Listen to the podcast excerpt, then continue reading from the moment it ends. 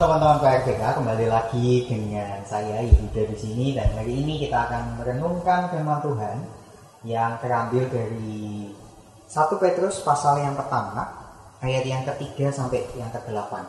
Mari kita buka sama-sama di 1 Petrus pasal yang pertama ayat 3 sampai 8. Mari saya bacakan untuk uh, kita semua.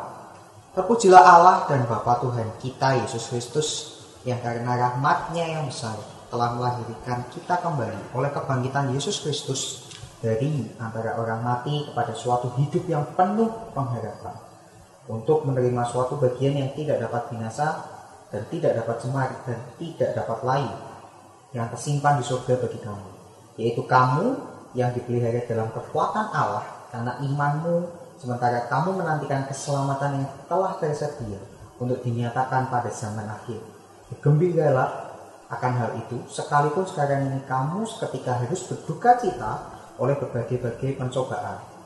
Maksud semuanya itu ialah untuk membuktikan kemurnian imanmu yang jauh lebih tinggi nilainya daripada emas yang fana yang diuji kemurniannya dengan api sehingga kamu memperoleh puji-pujian dan kemuliaan dan kehormatan pada hari Yesus Kristus menyatakan dirinya.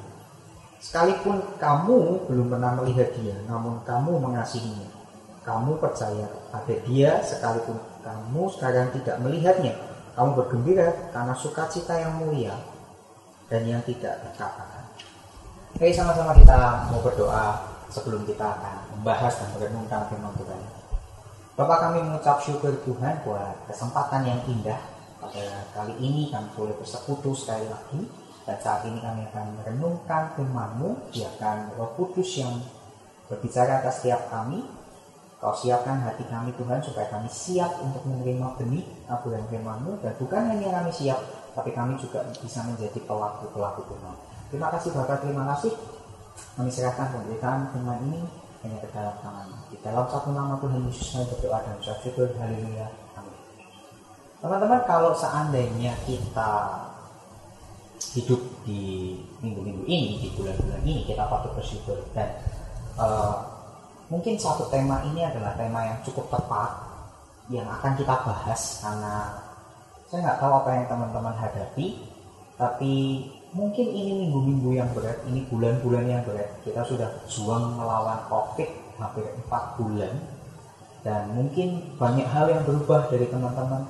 Teman-teman yang dulunya semangat yang dulunya nggak peduli tiba-tiba jadi peduli. Saya melihat beberapa berita di media sosial yang mengatakan bahwa negara ini sudah mengalami resesi, uh, beberapa usaha tutup dan bahkan uh, usaha beberapa teman kita juga tutup, ada yang di PHK dan lain sebagainya.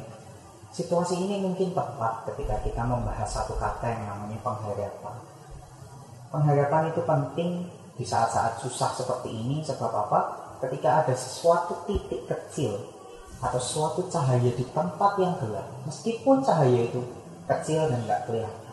Tapi ketika ada itu merupakan satu kekuatan buat kita. Ketika seolah-olah nggak ada jalan lain tapi pengharapan itu dibutuhkan dalam kehidupan kita. Atau mungkin saat-saat susah seperti ini. Di 1 Petrus pasal yang pertama sampai ayat 3 sampai 8 kita bahas dengan jelas soal pengharapan karena judul perikopnya adalah pengharapan iman dan kasih. Teman-teman tahu nggak konsep pengharapan di perjanjian baru di PB itu adalah satu konteks yang nggak akan lepas dari fakta sejarah yang mengatakan bahwa Yesus sudah bangkit. Apa korelasinya? Mungkin teman-teman bertanya-tanya, apa korelasinya kebangkitan Yesus dengan keadaanku? Apakah dengan kebangkitan Yesus aku dapat kerjaan lagi? Apakah dengan kebangkitan Yesus papaku bisa kerja lagi? Kita akan bahas itu uh, next gitu ya teman-teman. Tapi kita perhatikan ini dulu. Teman-teman kenapa sebelum kita bahas lebih lanjut kita bahas dulu kenapa kita berharap kenapa ada pengharapan? Pengharapan muncul. Harapan itu muncul adalah ketika kita mengalami satu keadaan tapi bukan keadaan yang kita inginkan. Ketika kita mengalami satu keadaan yang tidak yang bukan sesuatu yang kita inginkan maka pengharapan itu muncul. Contoh, eh, kita mengalami PHK. kita mengalami tidak naik kelas nilai kita jelek itu keadaan yang tentu saja tidak kita inginkan kita nggak ada yang mau nah nggak naik kelas di PHK nggak punya duit usahanya down itu nggak ada yang mau nah di situlah pengharapan muncul pengharapan muncul ketika keadaan itu berjalan tidak sesuai dengan keinginan kita maka pengharapan itu muncul yang kedua apa alasannya kita berharap ada sesuatu atau ada seseorang atau ada sosok yang mampu mewujudkan apa yang kita inginkan dari keadaan yang susah itu. Jadi kalau ada sesuatu, seseorang atau e, sosok yang bisa kita andalkan untuk mewujudkan mimpi itu, maka pengharapan itu muncul. Nah, teman-teman harus sadar bahwa pengharapan kita itu beda dengan pengharapan dunia pengharapan Kristen adalah pengharapan yang paling besar. Karena kekristenan agama kita Kristen mengajarkan pengharapan yang paling nyata. Kenapa? Karena di, di mungkin di ajaran lain di agama lain atau mungkin teman-teman membaca di buku-buku atau mungkin konsep-konsep yang lain itu mengajarkan pengharapan yang palsu. Pengharapan yang palsu itu apa? Pengharapan yang cuma kasih escape doang. Yang cuma tidak menyelesaikan masalah, tapi cuma cari pelarian. Pengharapan Kristen itu adalah melihat kekuatan Tuhan, sehingga kita bisa melihat bahwa pengharapan kita itu ada di dalam Kristus. Jadi pengharapan kita itu ada di dalam tangan Tuhan. Tuhan mengerjakan sesuatu yang real, bukan sesuatu yang escape banyak dari kita salah menaruh pengharapan kita sama hal-hal yang nggak real. Bahkan kita menaruh harapan kita sama seseorang sama kekayaan sama materi sama benda. Padahal hal-hal seperti itu yang itu padahal cuma escape tidak menyelesaikan masalah tapi itu escape. Contoh kita pen, kita lagi stres banget kita larinya ke alkohol. Seolah-olah kita berharap sama alkohol untuk menghilangkan sakit hati kita patah hati kita tapi teman-teman pasti tahu endingnya bahwa itu cuma escape. Itu bukan sesuatu yang menyelesaikan masalah. Kita butuh kasih sayang, kita butuh peduli, kita butuh perhatian dari teman-teman. Kita lari ke pergaulan yang salah, kita dapat teman-teman yang nggak yang nggak benar. Akhirnya kita jatuh dalam dosa. Teman-teman kita tahu bahwa itu bukan penyelesaian masalah, itu lari dari masalah. Dunia sedang tawarkan itu, seolah-olah memberikan pengharapan, tapi ternyata tidak menyelesaikan masalah. Dalam Yesus beda. Yesus melakukan sesuatu yang nyata. Kalau seandainya Anda datang ke dokter, tiba-tiba Anda mengeluh bahwa dok saya sakit pusing. Saya sangat pusing. Oke, baiklah kalau misalnya kamu pusing nih ada salep. Dok, dok pusingnya di dalam kepala. Salep ini buat apa? Oh, salep ini adalah untuk uh, kulit kepalamu. Jadi kulit kepalamu nggak gagal-gagal. Dok maaf. Ini sakitnya pusing bukan gatal terus gimana dok? Wah saya nggak tahu kalau pusing itu gimana. Ini pokoknya salep. Yang penting kamu kepalamu nggak gatal-gatal lagi. Apakah itu betul? Satu solusi yang betul atau sesuatu yang benar anda pasti akan ngamuk di situ karena itu bukan solusi yang menyelesaikan masalah betul? Itu yang dunia tawarkan dunia kadang memberikan solusi yang bukan menyelesaikan masalah, malah kadang justru nambahin masalah. Nah, kita belajar bahwa pengharapan kita itu ada di dalam Tuhan. Dan kalau dari tadi Anda bertanya, iya I know, tapi apa korelasinya kebangkitan Kristus dan pengharapan saya? Teman-teman, tahukah Anda bahwa kebangkit, kematian dan kebangkitan Kristus itu adalah satu salah satu bukti bahwa Allah itu menempati janjinya. Dan Alkitab mencatat bahwa ketika kematian dan kebangkitan Yesus itu bukan hanya satu dua janji, tapi semua janji di perjanjian lama yang Allah ceritakan, yang Allah berikan kepada manusia itu digenapi melalui kematian dan kebangkitan Kristus. Si bukan satu dua janji, bukan satu dua bagian kecil satu dua ayat tapi semua kitab di perjanjian lama semua janji itu mengarah ke kebangkitan dan kematian Yesus. Dan teman-teman kadang kita berpikir cuma konsep oh kebangkitan Yesus kan cuma nyelamatin aku dari aku nggak jadi masuk neraka akhirnya aku masuk surga. Iya itu betul teman karena kebangkitan Kristus dan kematian Kristus menyelamatkan kita dari hukuman maut dosa. Tapi arti kematian dan kebangkitan Kristus nggak bisa kita artikan secara sempit seperti itu. Kita nggak cuma selamat tapi kematian dan keselamatan dan kebangkitan Kristus itu mencakup semua pekerjaan Allah dalam seluruh ciptaan. Apa yang apa maksudnya itu?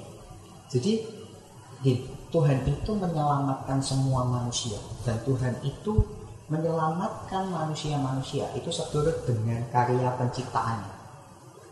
Jadi kita nih ketika kita diciptakan Tuhan itu sudah ingin kita diselamatkan. Melalui apa? Kematian dan kebangkitan Kristus. Tapi masalahnya dosa itu yang bikin kita nggak bisa selamat. Dosa itu membuat kita tidak selamat. Justru kita masuk ke dalam maut hal inilah yang yang kemudian uh, mungkin membuat kita emes gitu ya karena ada satu satu janji satu satu kebenaran yang mutlak di mana pengharapan kita itu ada di kematian dan kebangkitan Yesus. Ketika Yesus bangkit Yesus mati dan Yesus bangkit itu artinya Allah menepati janjinya dan itu artinya otoritas Allah ada di semua ciptaan. Kekuatan Allah dan teman-teman Eh, ketika kita melihat hal seperti ini mungkin ada yang berpikir apa hebatnya? Itu sangat hebat. Artinya apa sih? Ada sesuatu kekuatan lebih yang tadi kita bahas ya. Ada satu kekuatan lebih yang berada di atas manusia. Dan kekuatan itu bisa merubah kita. Dan itu punya otoritas. Dan kekuatan itu adalah kekuatan yang bisa menjamin semua ciptaan. Dan itu kekuatan Tuhan kalau ngomongin soal kekuatan, mari kita berandai-andai. Siapa yang di sini pernah uh, mungkin berpikir bahwa kita kuat menghadapi Tuhan? Ini teman-teman, aku kuat, aku bisa aja enggak, enggak bisa teman-teman. pernah tahu uh, negara kita pernah dilanda uh, banyak bencana alam, ada gempa, ada tsunami, ada uh, banjir bandang, ada tanah longsor. Siapa yang kuat? Bahkan covid ini siapa yang kuat? Tidak ada satu orang pun yang bisa ngomong bahwa aku kuat kok aku hebat kok pekerjaanku bisa mencukupi aku. Kekuatanku bisa mencukupi aku. Kekayaan papa mamaku bisa mencukupi aku. Nggak ada teman terbukti dari pandemi ini aja. Kita belajar satu hal bahwa tidak ada seorang pun tidak ada satu pekerjaan pun yang jadi pasti. Tidak ada satu plan pun yang jadi pasti. Tidak ada satu ijazah pun yang bisa jadi pasti yang bisa kita jadikan pegangan. Tidak ada siapa pun yang bisa kita jadikan pegangan. Karena semuanya kena. Baik itu dari bawah tengah atas. Semuanya kena. Betul? Dari hal ini saja kita bisa tahu bahwa manusia nggak bisa menang dari Tuhan dan bayangkan kekuatan itu otoritas itu atau pribadi itu sudah ngomong sama Anda dan saya bahwa semua janji yang ada di perjanjian lama itu sudah kugenapi melalui kematian dan kebangkitan Yesus. So powerful. Kuasa itu juga kuasa itu juga yang sanggup mengubah semua kejadian yang kacau, semua kejadian yang awalnya kacau berubah jadi baik dan teman-teman kalau teman-teman perhatikan ini menarik. Di perjanjian lama itu polanya seperti sesuatu yang kacau ketika Tuhan ada maka segalanya jadi baik. Sesuatu yang awalnya kacau tiba-tiba Tuhan datang Tuhan kasih solusi dan semuanya jadi baik. Dan lihat ketika tidak ada Tuhan coba lihat di kejadian. Pada mulanya kosong. Kosong ngomong soal kekacauan. Nggak ada apa-apa. Tuhan datang. Tuhan bikin sesuatu yang bagus. Dan kita bisa ambil kesimpulan bahwa ketika Tuhan nggak ada itu berarti chaos. Dan ketika Tuhan ada itu jadi lebih baik. Nah hari ini ketika kita mungkin melihat sesuatu yang chaos jangan jangan sampai kita berpikir bahwa waduh ini chaos dan nggak bisa apa-apa. Karena ketika sesuatu yang chaos itu, ketika Tuhan bekerja dengan sesuatu yang chaos itu, maka segala sesuatu akan jadi baik. Ketika kita lihat sesuatu yang chaos, sesuatu yang kacau, kita kita harus punya pengharapan bahwa oh hal ini akan jadi baik. Jangan malah kebalik teman-teman. Melihat sesuatu yang baik kita pesimis ah ini pasti kacau lagi. Kita melihat sesuatu yang kacau kita tambah pesimis lagi. Nah toh kacau nah kayak gimana? Nah ini hidupku kacau nih kayak gimana? Apa yang harus kulakukan lagi? Jangan kayak gitu. Tapi polanya dari zaman dahulu perjanjian lama itu selalu sama. Teman-teman lihat kalau bangsa Israel sama pola pertamanya chaos kacau tiba-tiba Tuhan kasih Tuhan kirim satu hakim-hakim satu nabi satu raja tiba-tiba baik dan semuanya jadi baik. Itu itu yang Tuhan Tuhan lakukan. Dan teman-teman uh, keadaan Israel itu sama. Ketika keadaan Israel seolah-olah zaman dahulu di kitab Yesaya mencatat Israel itu dibuang. Dan ketika Israel dibuang itu seolah-olah pengharapannya sudah hilang. Israel seolah-olah e, mereka mengatakan bahwa ah, Tuhan gagal. Keadaannya mungkin relate dengan kita bukan? Ketika sesuatu keadaan kayak chaos. Karena Israel adalah sesuatu yang e, bangsa yang menerima janji Allah kamu akan jadi bangsa, kamu akan menerima tanah perjanjian, kamu akan begini, kamu akan begini. Tapi ketika masuk ke pembuang, harapan Israel itu hilang. Bukankah itu mungkin sama dengan kita? Kita mungkin bertanya-tanya hari ini. Aku tiap hari ke gereja, Tuhan ngomong Tuhan itu baik, Tuhan itu berkatnya selalu ada. Tuhan itu begini, Tuhan akan menyediakan, Tuhan berencana, Tuhan akan menjaga. Kok kayak gini ya? Kok kuliah kok kayak gini ya? Kok pekerjaanku kok berhenti ya? Kok papa mamaku di PHK ya? Kok aku nggak bisa CG lagi? Kok aku nggak bisa ibadah lagi? Apa yang terjadi teman-teman kita mau belajar dari kisahnya Israel dan saya mau ambil dua tokoh. Dua tokoh di Alkitab yang mungkin mengalami kejadian yang sama. Yang pertama bangsa Israel yang kedua kita bisa lihat di Ayub Ayub itu uh, mungkin ada perdebatan kapan kapan kitab Ayub ditulis. Gitu ya karena uh, tidak adanya hukum Taurat dan lain sebagainya.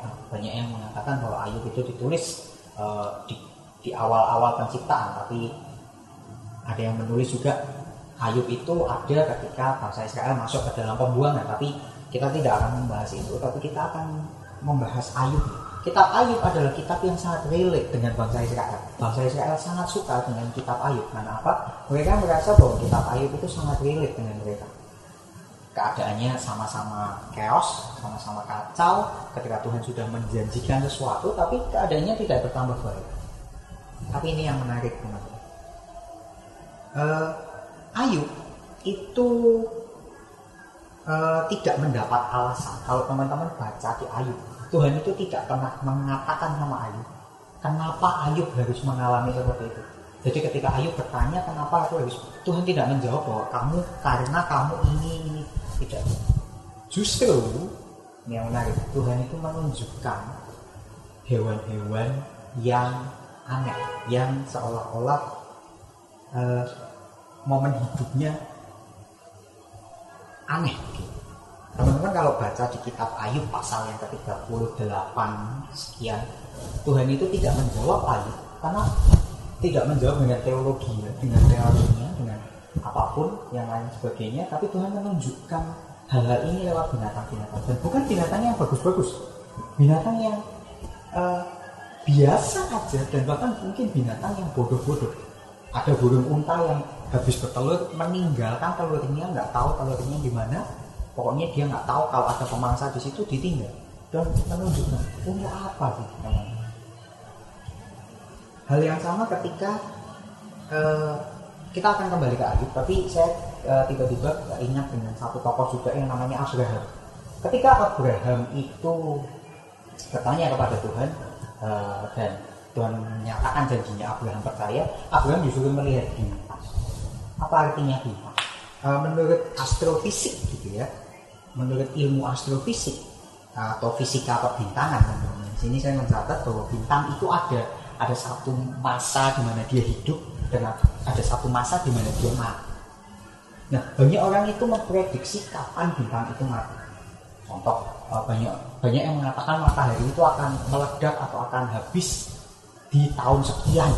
Uh, bulan akan habis di tahun sekian banyak orang memprediksi hal-hal semacam ini. Banyak orang memprediksi bahwa bintang itu akan mati di tahun sekian tapi pertanyaannya kenapa kita bertanya-tanya kapan mati? Kenapa kita nggak bertanya-tanya kapan masa hidupnya? Kapan terbentuknya? Karena ketika ada masa matinya tentu saja ada masa hidupnya. Ada ada bintang ini kumpulan dari benda-benda langit yang kemudian menyatu dan dia jadi bintang. Dan sering kali kadang kita itu cuma fokus sama sesuatu yang hancur sesuatu yang chaos. Kapan yang matinya? Uh, sama seperti kalau teman-teman mungkin punya buah-buah pohon pohon di depan rumah yang menghasilkan buah. Ketika buah itu jatuh karena sudah sudah masak dan dia jatuh dan anda lupa mengambilnya buah itu akan busuk. Betul? Ketika buah itu akan busuk kadang kita uh, kita malah mengeluh soal busuknya. Kok gini ya? Kok buahku jatuh busuk dan nggak bisa dimakan terus gimana dong? Nggak bisa dimakan dong ini. Pertanyaannya kenapa ngelihat busuknya? Lihat nggak habis buah itu busuk? Ketika dia busuk di tanah muncul satu tunas dan hal ini bagus teman-teman. Sama di kitab Yesaya. Yesaya mengatakan bahwa Tuhan itu mau menghabiskan Israel pada waktu pembuangan tak habisin. Kalau masih ada generasinya tak habisin lagi. Tak habisin sampai rata tapi dari situ akan muncul satu tunas baru ini ayat yang luar biasa. Kalau teman-teman mau lihat artinya luar biasa di antara kehancuran chaos yang semacam itu Tuhan masih tumbuhkan sesuatu yang baik kita balik ke Ayub ya. Ketika ketika Tuhan ngomong sama Ayub dan ketika Ayub tanya sama Tuhan Ayub diperlihatkan hewan-hewan ini. Dan jangan salah Ayub juga disuruh melihat langit kan dan dia tanya kamu ke mana waktu aku meletakkan bintang-bintang ini? Aku gantungin bintang-bintang ini. Kamu coba lihat bintang-bintang ini. Kamu lihat benda-benda langit. Apakah kamu ada waktu aku dan Tuhan tanya Tuhan tanya seperti ini. Kamu ngapain? Kamu ke mana? Korelasinya kitab Ayub itu uh, kita bisa korelasikan dengan kitab kejadian teman-teman. Waktu itu Adam, Adam itu kasih satu tugas untuk mengelola bumi, ngasih nama hewan-hewan dan lain sebagainya. Artinya Adam itu diberi tugas untuk mengelola bumi. Dan ketika Ayub bertanya sama Tuhan Tuhan nggak jawab Tuhan tunjukkan hewan-hewan yang ada di sekeliling air dan Tuhan mungkin tanya seperti ini apakah kamu sudah melakukan tugas tugas ngapain ya? Nih ada hewan yang ninggalin telurnya dan tiba-tiba uh, uh, binatang ini bodoh karena telurnya ditinggal dan dia dia nggak tahu ada pemangsa di situ. Kemudian ada hewan-hewan yang lain. Tuhan tanya kamu sudah tahu kamu sudah melakukan tugasmu? Mungkin Ayu akan bingung dan Ayu akan ngomong aku nggak ingat bahwa aku harus melihara burung unta aku nggak ingat harus melihara hewan-hewan ini di sini Tuhan mau menunjukkan apa sih? Di sini Tuhan mau menunjukkan bahwa ketika kamu nggak melakukan tugasmu dengan baik aku masih melakukan tugasku dengan baik. Bukan karena kuat dan usahamu juga seolah-olah bumi ini bisa hidup. Kadang kita berpikiran kita kita berpendapat bahwa segala sesuatu itu tentang kita segala sesuatu itu tentang saya. Jadi kalau kehidupan saya hancur saya di PHK saya nggak bisa bekerja saya nggak bisa ngezoom lagi saya nggak punya kuota saya nggak bisa sekolah. Itu seolah-olah dunia chaos. Tapi Tuhan mau ngomong kamu tahu nggak di tengah chaosnya kayak gitu? Aku masih pelihara kamu dengan hal-hal kecil yang ada di sekeliling. Aku masih pelihara hewan-hewan itu yang seharusnya jadi tugasmu tapi masih tak pelihara semua. Kamu melakukan apa? Kadang kita mengeluh sama Tuhan di tengah pandemi ini seolah-olah kita itu sudah melakukan semua tugas kita di dunia ini. Seolah-olah dunia ini kita yang menopang. Seolah-olah dunia ini di mana kita sudah melakukan semuanya. Dan ketika kita chaos kita anggap semua dunia kita chaos. Padahal enggak. Padahal Tuhan mau ngomong padahal di tengah-tengah chaosmu kayak gitu aku masih pelihara umat. Di muka aku masih pelihara dengan hal-hal kecil yang ada di sekeliling kita. Aku masih pelihara hewan-hewan yang seharusnya jadi tugasmu. Bukankah itu amazing teman-teman? Apakah itu hebat? Bahkan ketika kita tidak melakukan tugas kita Tuhan masih melakukan tugasnya dan Tuhan masih pelihara kita loh. Anda masih hidup hari ini Anda masih bisa melihat tayangan video online ini kita masih bisa mengikuti ibadah. Kita mungkin masih bisa sekolah. Kita mungkin masih bisa main dengan kuota kita. HP kita nggak ngehang kita masih punya uang untuk makan. Kita masih bisa makan. Kita sehat. Anggota keluarga kita masih lengkap. Tuhan masih pelihara kita dengan hal-hal kecil semacam itu akankah kita mau melihat chaosnya atau kita mau melihat bagusnya atau kita mau melihat tunas yang Tuhan tumbuhkan dari keadaan yang chaos ini. Tuhan yang kerjakan semua bukan kita tugas kita mungkin cuma melakukan beberapa hal. Itu hasil kadang kita gagal dan kita mengeluh. Tapi Tuhan yang kerjakan semua Tuhan kasih pengharapan itu. Kekuatan itu muncul dengan adanya bukti kematian dan kebangkitan Kristus. Kekuatan yang luar biasa itu pribadi yang punya otoritas itu muncul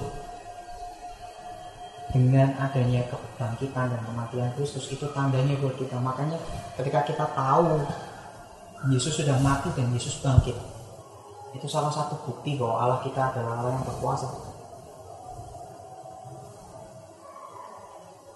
Teman-teman tahukah Anda bahwa kegagalan manusia melakukan tugasnya tidak akan membatalkan rencana Tuhan dalam hidup kita. Bahkan ketika kita gagal, ketika kita chaos, ketika kita dalam situasi yang depresi pun, Tuhan tidak pernah gagal dalam melakukan rencananya. Karena dia Allah yang berkuasa. Ya, saya harap teman-teman bisa lebih memahami dengan ilustrasi tadi bahwa kematian dan kebangkitan Kristus sangat mempunyai value yang hebat dalam kehidupan kita dan saya akan tutup dengan ilustrasi ini saya suka dengan ilustrasi ketika kisah Elia yang ada di tepi sungai dan ketika itu Tuhan tolong Elia dengan gagak-gagak yang kecil dan membawakan daging. Uh, ketika saya dapat renungan ini uh, saya juga ikut memikirkan bahwa ketika Elia ditolong dengan burung gagak itu teman-teman bisa bayangkan bahwa kapasitas gagak itu para burung gagak adalah sangat kecil. Jadi uh, daging yang dibawakan itu sangat kecil. Hal ini jadi baik karena ketika kalau kita renungkan dengan baik ya teman-teman kadang hal-hal yang Tuhan kasih buat kita itu bukan sesuatu yang spektakuler yang langsung gede. Memang Tuhan bisa lakukan sesuatu mujizat yang cukup besar dan Tuhan kasih sesuatu yang hebat. Tapi kadang Tuhan kirimkan burung gagak dengan kapasitas yang kecil hal-hal yang kecil tapi itu cukup buat dia dan mungkin dalam kehidupan kita kita nggak langsung dikasih berkat yang langsung besar kehidupan kita diubah lalu Tuhan bangkitkan Tuhan bisa lakukan itu. Tapi kadang Tuhan berikan berkat melalui hal-hal yang kecil. Melalui hal-hal semacam kita kita nggak ban kita nggak gembes waktu kita keluar. Waktu kita berangkat kerja motor kita nggak mogok kita masih bisa sehat. Semua organ tubuh kita kita masih bisa makan enak. Papa mama kita sehat kita masih bisa ketemu teman-teman CG walaupun piasu hal-hal kecil semacam itu tapi Tuhan Tuhan ada di situ. Dan hari ini saya juga mau ajak teman-teman tapi jangan salah ya. Jangan sampai kita hanya terlalu fokus sama berkat Tuhan. Kita cari berkat Tuhan terus. Cari Tuhannya. Karena ketika Elia pun ketika dia ditolong Tuhan itu nggak pakai cuma burung gagak. Elia ditolong tiga kali diberi makan tiga kali. Yang pertama oleh guru gagak yang kedua oleh janda sarpat yang ketiga oleh malaikat. Apa artinya? Jangan fokus sama berkatnya jangan fokus sama gagaknya. Kalau Tuhan mau berkati saya berkatinya dengan ini. Kalau Tuhan ngasih pengharapan sama saya ya caranya harus kayak gitu. Enggak kayak gitu kan Tuhan kita adalah Tuhan yang kreatif. Tuhan bisa pakai apa pun. Tuhan bisa pakai hal besar maupun hal kecil. Cari Tuhan. Anda bahwa help. Helpless itu adalah condition tapi hopeless itu adalah decision. Jangan biarkan diri anda tidak berpengharapan jangan biarkan diri anda justru malah menyalahkan Tuhan tapi carilah Tuhan supaya kita dapat mengharapkan. Tuhan Yesus berkati. Mari kita berdoa bersama-sama. Kami mengucap syukur Tuhan buat kesempatan ini kami boleh belajar sesuatu tentang pengharapan kami yang bukan berasal dari benda-benda dari seseorang ataupun dari apa pun yang ada di dunia ini tapi pengharapan kami berasal dari engkau biarkan hati kami berpaut dengan Engkau. Engkau balut hati-hati yang terluka. Engkau balut semangat-semangat yang patah Tuhan. Dari hari ini kami berdoa di dalam nama Tuhan Yesus. Engkau bangkitkan semangat kami lagi. Engkau bangkitkan satu antusias yang berasal dari Engkau supaya kami bisa menjalani hari kami menjalani pelayanan kami menjalani kehidupan kami dalam komunitas, dalam sekolah, dalam pekerjaan, dalam apa pun yang kami lakukan Tuhan. Kami berdoa di dalam nama Tuhan Yesus biar Bapak sendiri yang bantu Roh Kudus lingkupi setiap kami Tuhan tangan kami dan gandeng kami untuk berjalan dengan Terima kasih Bapak, terima kasih di dalam satu nama Tuhan Yesus kami berdoa. Haleluya. Amin.